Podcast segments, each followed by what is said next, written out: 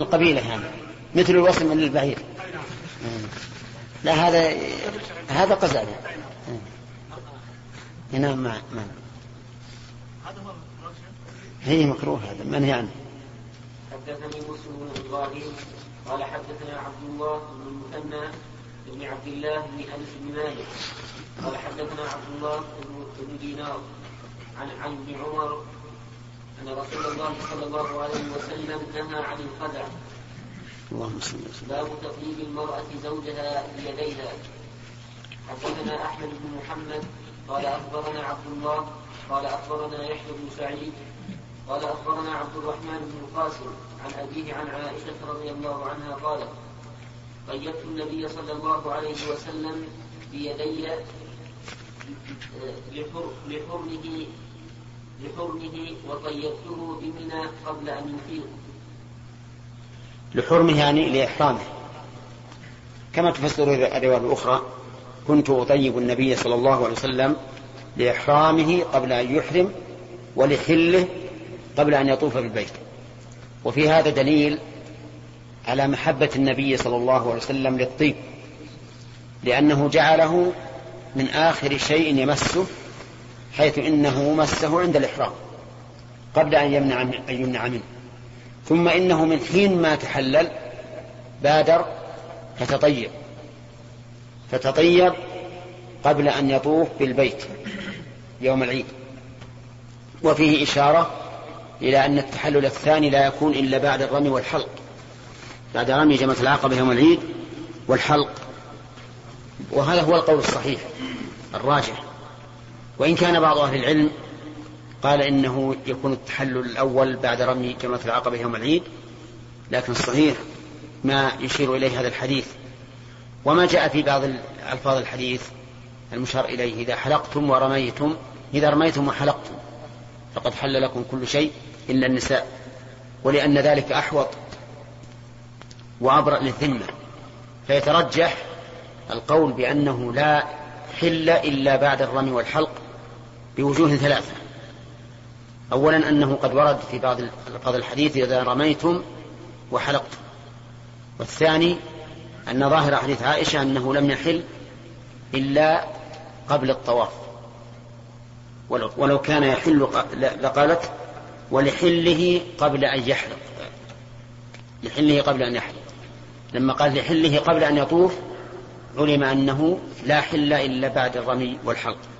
الوجه الثالث أنه أحوط وأبرأ للذمة. فكأن نقول للإنسان لا لا تلبس ولا تطيب حتى تحلق بعد الرمي لا شك أن هذا أحوط وأولى. التحلل الأول يختلف عن التحلل الثاني. بماذا؟ لأنه يحل من كل شيء إلا من النساء. يحل من كل شيء إلا من النساء. فإذا حل من كل شيء إلا من النساء صار محلا التحلل الأول. فإذا حل الثاني حل له كل شيء. وهنا مسألة. رجل تزوج امرأة طافت طواف الإفاضة وعليها الحيض. طافت طواف الإفاضة وعليها الحيض. استحت أن استحيت أن تعلم أهلها. ثم جاءت لبلدها وتزوجت. فما حكم النكاح؟ النكاح باطل غير صحيح. نكاح باطل غير صحيح. ليش؟ لأنها لا تزال على إحرامها على بقية إحرامها. فإنها لم تحل إلا التحلل الأول وعلى هذا فيلزمها أن تذهب إلى مكة وتأتي بعمرة وتطوف طواف الإفاضة ويعاد عقد النكاح يعاد عقد النكاح لأنه كان غير صحيح. نعم فمثل هذه المسألة يعني ينبغي لطالب العلم أن يتعود تطبيق الوقائع على الأحكام التي يعرفها لأن معرفة طالب العلم لتطبيق الوقائع مهمة جدا. ولهذا الصيدلي يعرف الدواء. ومن الذي يعرف كيف يستعمل؟ ها؟ الطبيب. أنت لو تعرف لو تعرف هذا الدواء تعرف خواصه وما يكون والأمراض التي يكون دواء فيها ولكن ما تعرف أن تطبق أهلكت الناس. وهذا هو الذي يضر كثيرا من الطلبة الآن وخصوصا الذين لا يقرؤون على المشايخ لا يعرفون أن يطبقوا الأحكام على المسائل. فتجدهم يغلطون كثيرا ويخلطون فيضلون ويضلون الناس بغير علم. فأنا أحب منكم دائما أن تتعودوا على التطبيق ولو بأن تفرضوا المسائل فيما بينكم في البحث والمناقشة. تفرضون مسائل وتطبقونها على ما عندكم من العلم حتى تتمرنوا على معرفة تنزيل الوقائع على الأحكام الشرعية. نعم. أحمد؟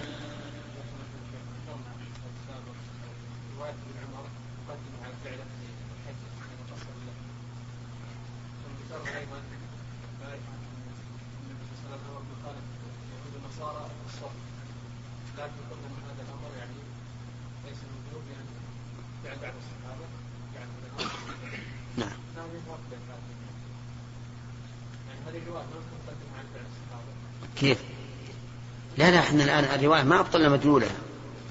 الرواية إنما حملنا معناها على أحد المعنيين. لأن الأمر يكون لي... الأمر صالح للوجوب وصالح للاستحباب. صالح للوجوب وصالح للاستحباب. فإذا بينه عمل الصحابة عرف أنه للاستحباب. إذا تركه بعضهم وفعله بعضهم عرف أنهم فهمون للاستحباب. لكن حديث ابن عمر أن الرسول قال أحفو أرخوا اللحاء أو وفروا اللحاء لفظ. لفظ يدل على أنه لا أنها تترك. فإذا جاء ابن عمر رضي الله عنه وفعل خلاف ما يقضيه اللفظ قلنا لا حجة فيه. ربما أنه فاهم أن هذه مخالفة في العادات. ما هو بعد سبيل التدين. ما هم كلهم. لو كان كلهم أجمعوا. لو كان كلهم أجمعوا. مثل ما مثل ما ترجح لنا أن أن القصر في الصلاة ليس واجب بفعل الصحابة رضي الله عنهم حيث لم ينكروا على حيث تابع عثمان على الصلاة خلفه والإتمام وراءه. لأنهم لو اعتقدوا ذلك الوجوب ما صلوا أربعة وهم يعرفون أنه أنه يبطل الصلاة. نعم. إيش؟ لا. كل ما يتعلق بالنساء من نكاح وجماع ومباشرة وخطبة كله ممنوع. نعم.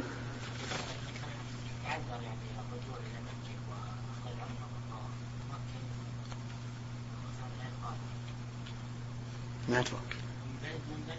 إذا كان ما تستطيع فإنها تعتبر محصرة. محصرة. وإذا اعتبرناها محصرة معناها ما صح حجها تتحلل بهدي إن استطاعت تتحلل بهدي إن استطاعت. وحينئذ لا يكون حجها تاما. وهي مشكلة.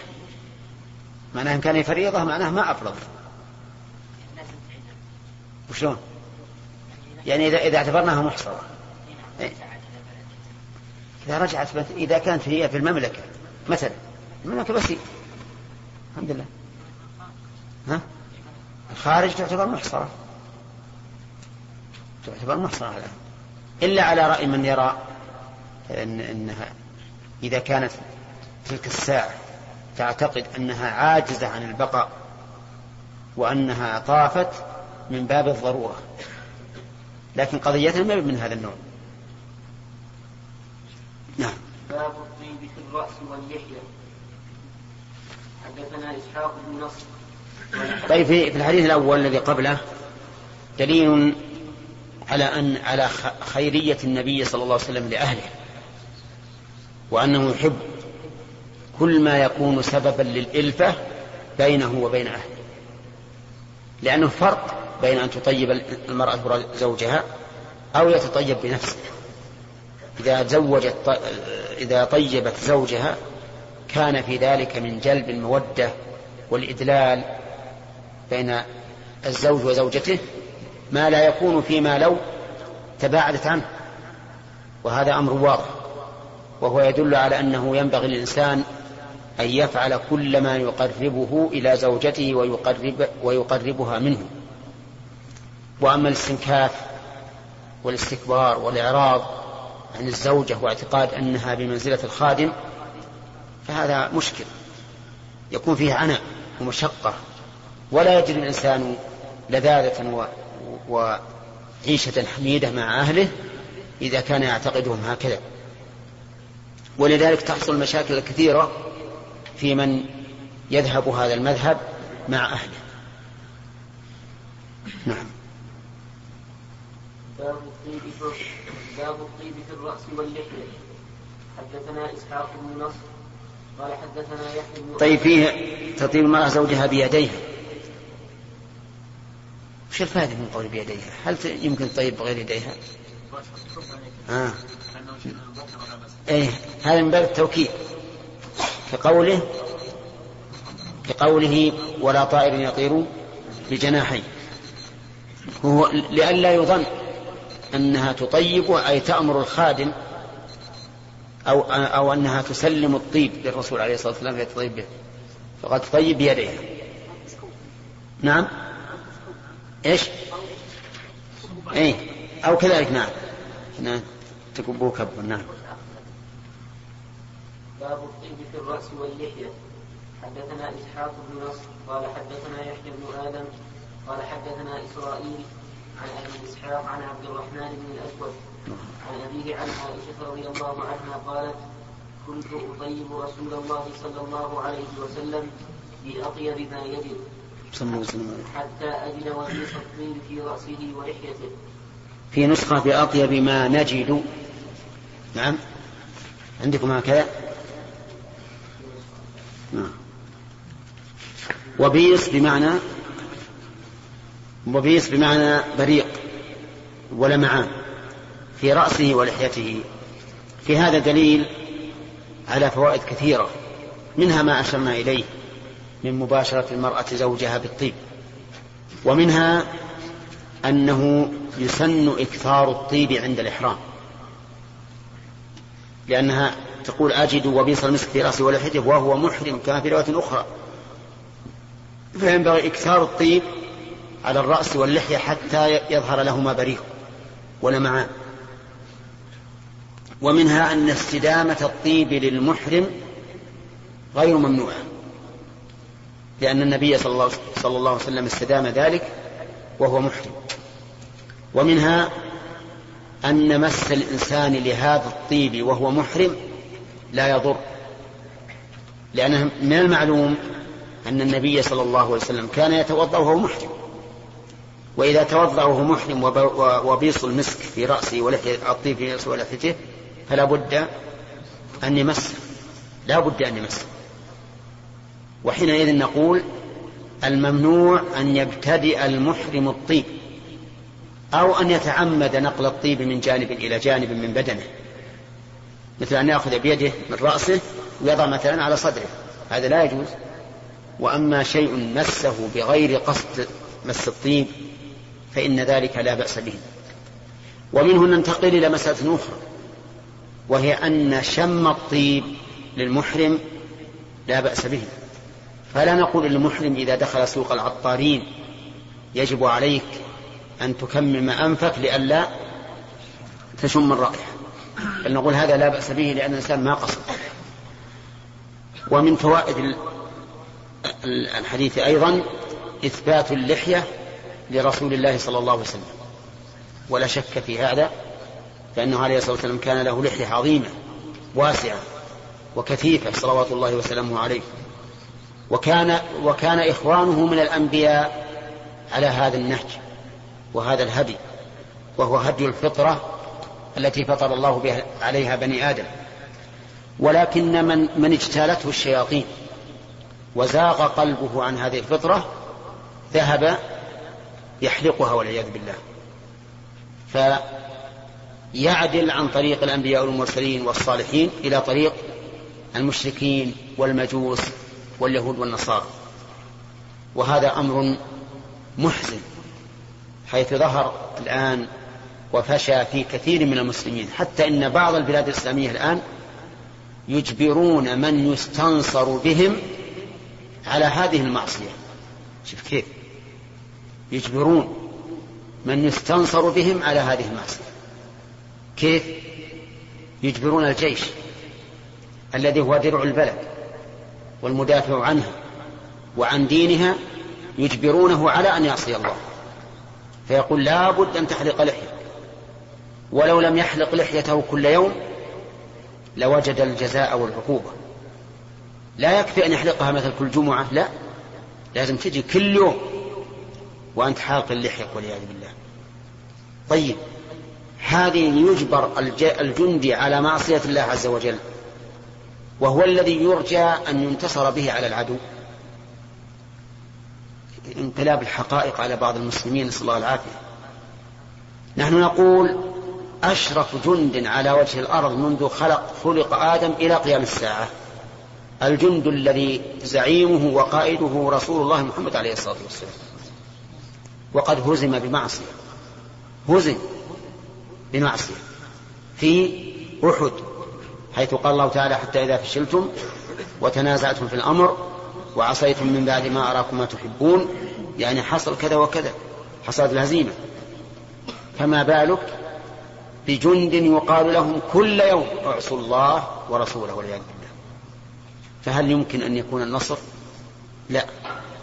والأمر والواقع شاهد بذلك بأنه لا نصر ونحن على هذه الحال أبدا. انظر إلى إلى إلى الإخوان الذين يجاهدون في أفغانستان.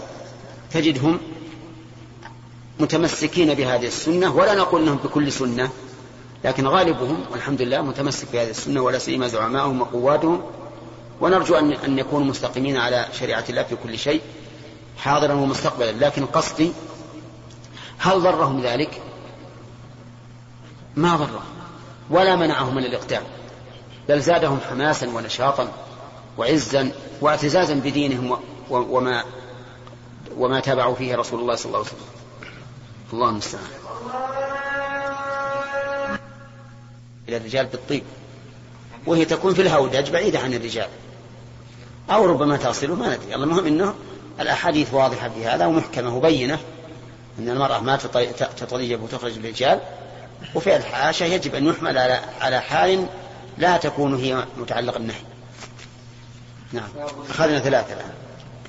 باب الانتشار حدثنا آدم بن أبي إياس قال حدثنا قال حدثنا ابن أبي ذئب عن الزهري عن سهل بن سعد أن رجلا اطلع من جحر في دار النبي صلى الله عليه وسلم والنبي صلى الله عليه وسلم يحك رأسه بالمدرى فقال لو علمت أنك تمر لطعنت بها في عينك. اللهم صل جعل الإذن من قبل من قبل الأبصار.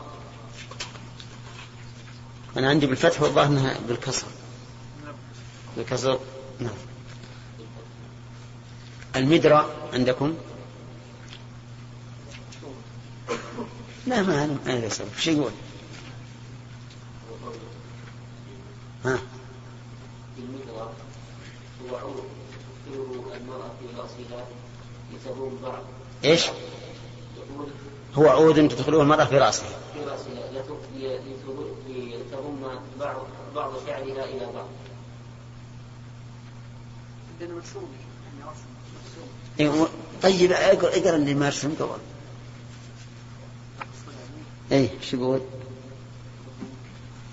بالنسبة بكسر الميم وفتح الراء بينهما دال دال مهملة ساكنة مقصور. عود تدخله المرأة في رأسها لتضم بعض شعرها إلى بعض. أو هو المشط أوله أسنان يسيرة أو عود أو حديدة. لها رأس محدد. إيش؟ عود حديدة؟ أو حديدة كالخلال. ها؟ كالخلال. كالخلال؟ اي نعم. لها رأس محدد أو خشبة على شكل سن من أسنان. المشط لها ساعد يحك يحك يحك بها الكبير ما لا تصل إليه يده, يده من جسده. فقال صلى الله عليه وسلم لو علمت لو علمت طيب خلاص. اللي يظهر من صنيع البخاري أن أنها هي المشط وهي أحد المعاني التي ذكرها قصرنا رحمه الله. والمعروف أيضا فيه أيضا معنى آخر لها أن المدرى ما يدرأ به الإنسان عن نفسه. وهي عصية صغيرة وربما يكون في طرفها حربة يدفع بها الإنسان عن نفسه ويدرأ بها. وهذه تناسب قوله لطعنت بها في في عينيك لأن المشط قد يكون من الصعب أن يطعن به في العينين.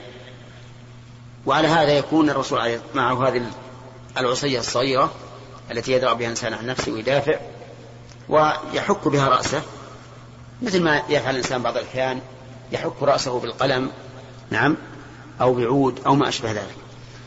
وفي هذا تشديد الرسول عليه الصلاة والسلام على اطلاع الإنسان على بيت غيره. لأننا نعلم أن النبي صلى الله عليه وسلم ألين الناس. فبما رحمة من الله لنت له. فهو ألينهم قلبا ولسانا صلوات الله وسلامه عليه. ومع ذلك قال لو علمت أنك تنظر لطعنت بها في عينك. هذه كلمة شديدة.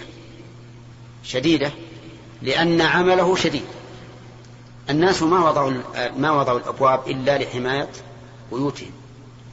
والشرع ما جعل الاستئذان إلا من أجل البصر. لا يبصر الناس ما, ما, ما أكنوه في بيوتهم. ألم نجعل الأرض كفاة؟ أحياء وأمواتا ولذلك لو رأيت رجلا يطلع عليك من شق الباب فلك أن تقوم. تقوم بخفية. تقوم بخفية. تمشي على رؤوس أبهامك. نعم.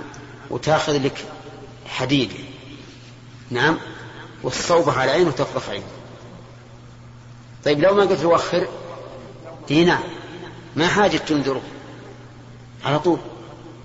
لكنك تقف. آه تفقع عينه. نعم. وتقصر العين. لماذا؟ لأن هذا من باب التعزير وليس من باب دفع الصائل فهذه جريمة وهذه عقوبة. ما هو دفع الصائل الصائل يجب عليك أن تدافعه بالأسهل فالأسهل. لكن هذا لا. هذا من باب العقوبة. فعلى هذا يجوز لك أن تقتله ثم تفقع عينه.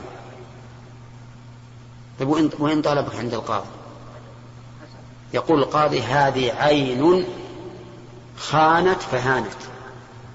خانت فهانت فهي هدر. ما لها قيمة ما لها قيمة. طيب فإن كان الباب مفتوح مر إنسان بالباب وهو مفتوح وشاف البيت بيت بهي وفيه أشياء وفيه ووقف يناظر يحق أن نفقع عينه؟ لا ما يجوز نفقع عينه. لأننا نحن الذين أهدرنا بيتنا بفتح بفتح الباب. بفتح الباب. واضح؟ طيب. نعم. هنا نعم. كان اصلع يا شيخ له شعر مع الجنب ورد إذا صار له شعر مع الجنب بس له مع الجنبين جميعا. يخلي جنب كل جنب الحال لا لا لا. كل واحد يروح أنا أقول كل واحد يروح للثاني. يغطي الصلاة يحط شماغ وطاقيه بس ينتهي موضوع نعم.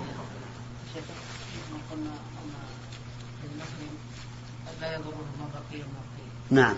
وهو يفعله يعني ويتأكد أنه سيبقى في أثناء إخراجه نعم نعم. قلنا أن الذي آه، يستلم الحجر إذا علم أنه في اليقين نعم. لا يستلم مع أنه لم يعمله أي نعم. بينهما فرق. بينهما فرق. لأن هذا لا يجوز للمحرم أن يبتدع. الطيب وهو محرم. وأما استدامة الطيب فهي جائزة. استدامة الطيب جائزة. لكن ابتداؤه لا يجوز.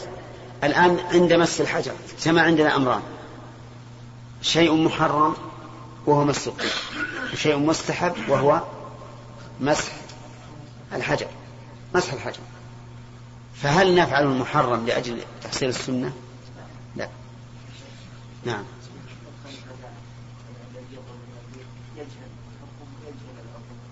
وش؟ إيه ما علينا منه. يجهل الحكم ويجهل العقوبة ما علينا منه. أبد.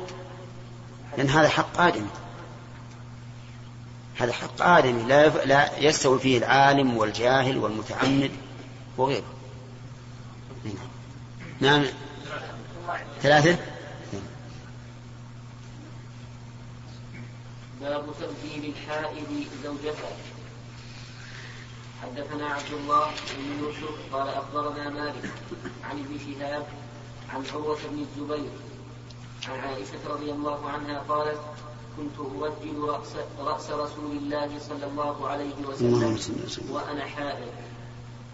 حدثنا عبد الله بن يوسف قال أخبرنا مالك عن هشام عن أبيه عن عائشة مثله. باب الترجيل. ترجيل الشعر يعني تسريحه ودهنه وإصلاحه. وفي هذا دليل على أن بدن الحائض على أن بدن الحائض طاهر وهو كذلك. فالمرأة الحائض في في الدين الإسلامي طاهرة. ليست ليست بنجسة وعلى هذا فلا يلزمها أن تغسل ثيابها التي حاضت فيها. إلا ما أصابها إلا ما أصابها من الدم فقط. وما ظنه بعض النساء من أن المرأة إذا حاضت بثوب لا يمكن أن تصلي فيه فإنه خطأ. هنا وفيه أيضا دليل على أن المرأة تخدم زوجها في مثل هذه الأمور. لأن الترجيل لا بد له من, من, من آلة تأتي بها كالمشط والدهن وشبهها. فخدمة الزوجة لزوجها بالمعروف هذا هو الشرع. وأما المستغربون والغربيون الذين يختمون زوجاتهم فهؤلاء قلب الله فطرتهم فقلبوا أحوالهم. وصار الواحد هو اللي يرجل زوجته يمكن. نعم؟ أو يأتي لها بالحاجات. وهذا لا شك أنه خلاف الفطرة وخلاف الشرع وخلاف الرجولة. فالرجل رجل والمرأة امرأة. لكن لا شك أن لهن مثل الذي عليهن بالمعروف. لا. لأن الله قال ولهن مثل الذي عليهن بالمعروف. أما أن نجعلها هي التي فوق والرجل هو الأسفل فهذا من هدي الكفار والعياذ بالله. نعم. ها؟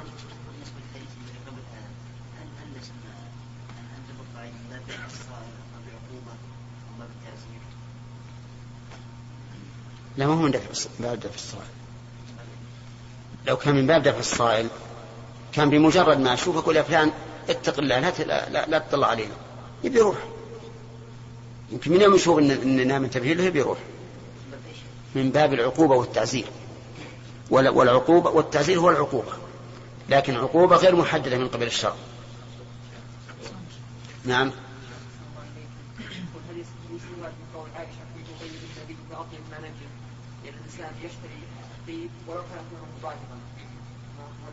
لا هو ما قال بأطيب ما يكون. أطيب ما نجد. يعني أطيب ما عندنا نطيب به. والطيب الطيب لا شك إن, إن, الطيب مهما اشتريته كان غالي وهو طيب فليس إسرافا اللهم إلا رجل قليل ذات اليد. فهذا قد نقول إنه اسراف في حقه أما الإنسان اللي مغنيها الله فلا شك إنه كلما كان الطيب اطيب فهو افضل نعم نعم. ها؟ نعم يا أحمد.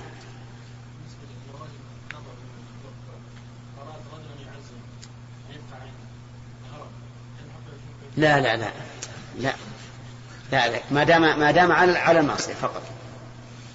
نعم.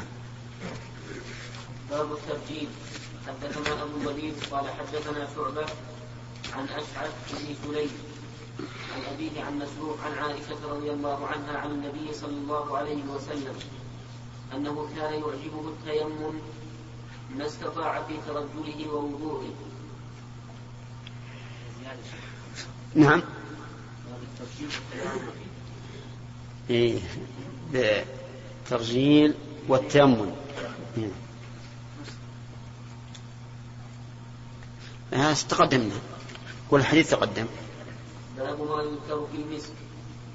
حدثني عبد الله بن محمد. قال حدثنا هشام. قال أخبرنا معمر عن الزهري عن ابن المسيب عن عن أبي هريرة رضي الله عنه عن النبي صلى الله عليه وسلم قال كل عمل ابن آدم له إلا الصوم فإنه لي وأنا أجزي به. و و و ولا خلوف ولا خلوف ولا خلوف فم الصائم أطيب عند الله من ريح المسك. إيش؟ مسك. أرض طيب هذا الحديث فيه فيه دليل على أن المسك من أطيب أنواع من من أطيب أنواع الطيب وهو كذلك. ولهذا قال إن خلوف ويجوز خلوف فمن الصائم أطيب عند الله من ريح المسك. مع أن خلوف فم الصائم وهي الرائحة التي تكون بسبب الصوم وهي رائحة مستكرهة في مشام الناس لأنها تكون عند خلو المعدة من الطعام. يكون لها رائحة كريهة. هي مكروهة عند الناس لكن عند الله أطيب من ريح المسك لأنها ناشئة عن طاعته عز وجل. وكل ما نشأ عن الطاعة فهو خير ومحبوب إلى الله. أرأيتم دم الشهيد والدم كما نعلم مستقدر في في عرف الناس؟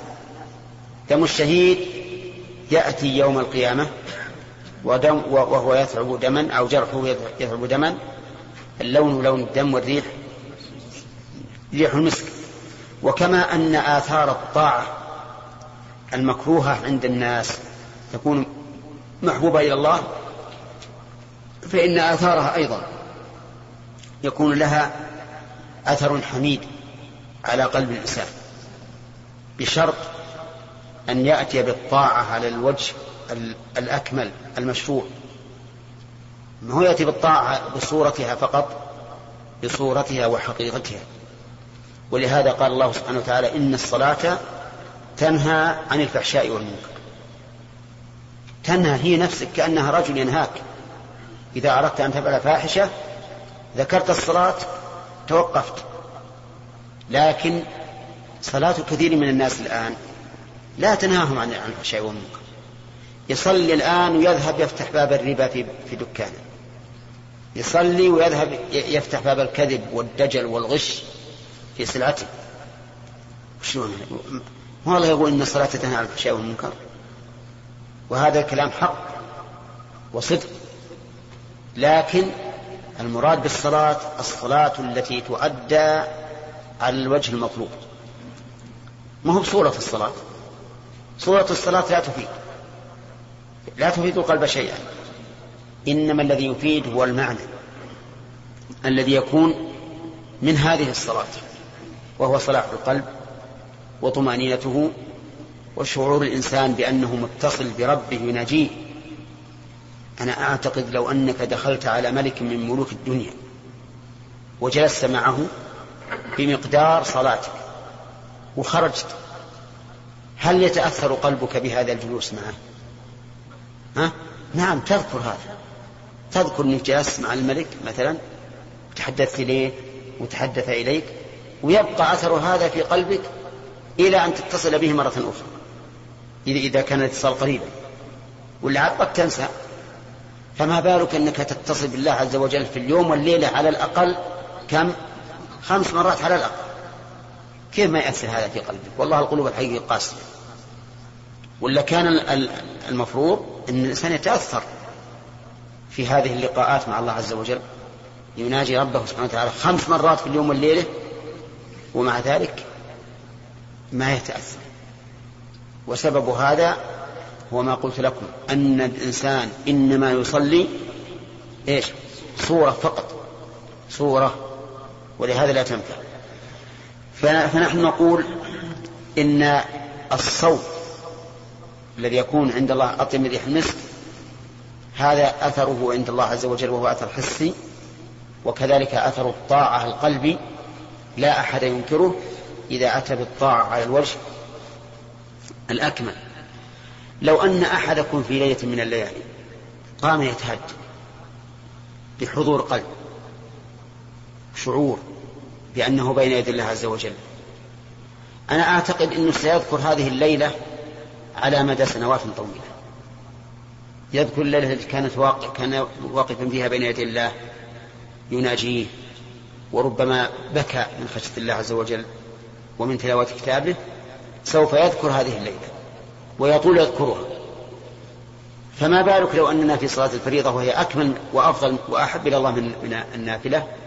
لو أن قلوبنا حضرت وخشعت فسوف يذكر الإنسان هذا المقام بين يدي الله وسوف ينتهي عن الفحشاء والمنكر. سوف يجد أن هذه الصلاة تنهاه كأنها يعني ما أقول ملك أعظم من الملك كأنها ملك إذا أردت أن تفعل فاحشة كالقف لا تفعل. الله أكبر. نعم. طيب جمال.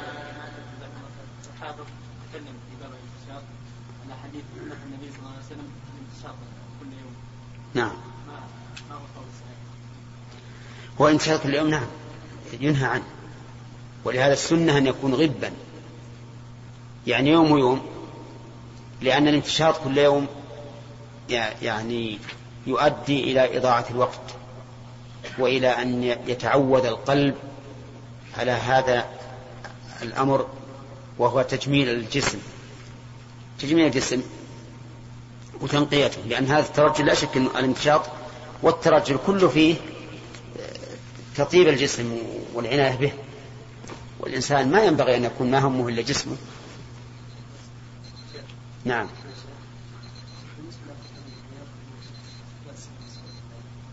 وهي. وهي. لا الأحسن مثل هذا أن نقول كما قال الرسول عليه الصلاة والسلام أطيب عند الله من ريح المسك فقط. ومسألة نقول يشم ولا ما يشم هذا ما ما أرى أن نتكلم فيه. نعم. أين من؟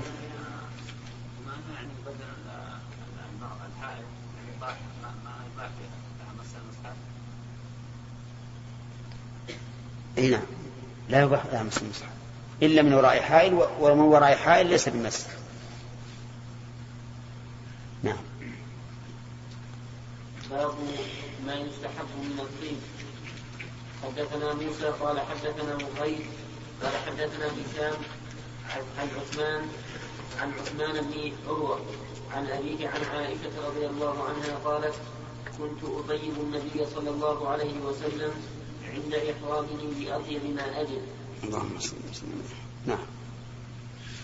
باب من باب من لم يرد الطيب حدثنا أبو نعيم قال حدث قال حدثنا عزرة. قال حدثنا عزرة بن ثابت الأنصاري. قال حدثني ثمامة بن عبد الله عن أنس رضي الله عنه أنه كان لا يرد لا يرد الطيب وزعم أن النبي صلى الله عليه وسلم كان لا يرد الطيب. نعم. يعني يعني لا ينبغي الإنسان أن يرد الطيب سواء أهدي إليه أو أراد أحد أن يطيبه. وكل هذا موجود الآن. أحيانا يخرج الإنسان قارورة الطيب ويقول مد يدك طيبك فينبغي أن أن تفعل. وأحيانا يهدي إليك القارورة كلها. فينبغي أيضا أن تقبل اقتداء برسول الله صلى الله عليه وسلم. طيب وهل إذا قبلت هل يشرع لك أن تكافئ الذي أعطاك؟ الجواب نعم لعموم قول النبي صلى الله عليه وسلم من صنع إليكم معروفا فكافئوه. وكان رسول الله صلى الله عليه وسلم يقبل الهدية ويثيب عليها. نعم. ها؟ اي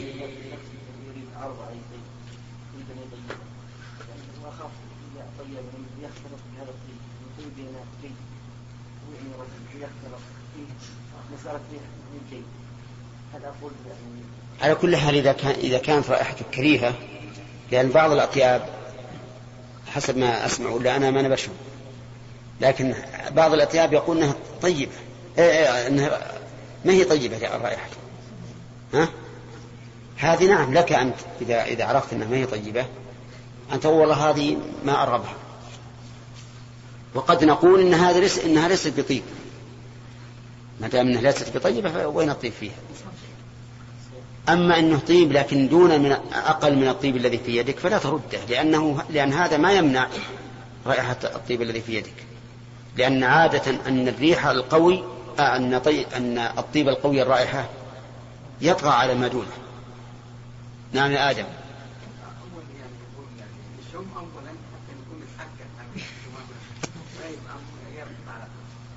لكن وإن كانوا ما يشموا هم من أعطاه غاز وقال هذا طيب طيب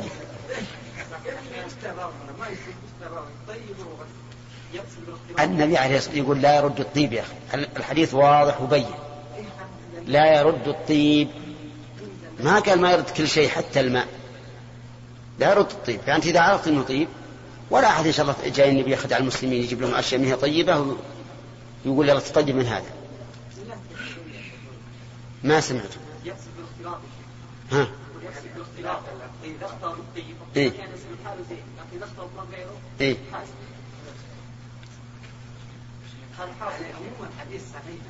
إيه؟ على كل حال إذا إذا إذا ثبت ما قلتم.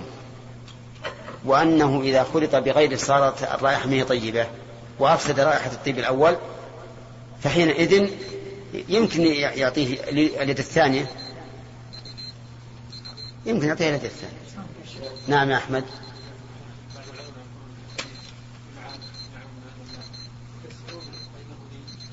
ها؟ نعم.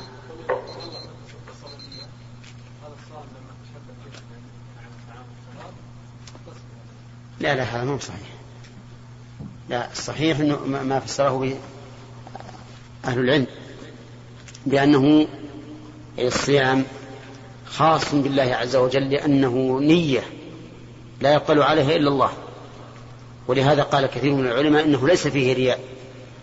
لأن لأنه نية ما يطلع عليها إلا الله. فلذلك كان الله سبحانه وتعالى هو الذي يختص به. انت الوقت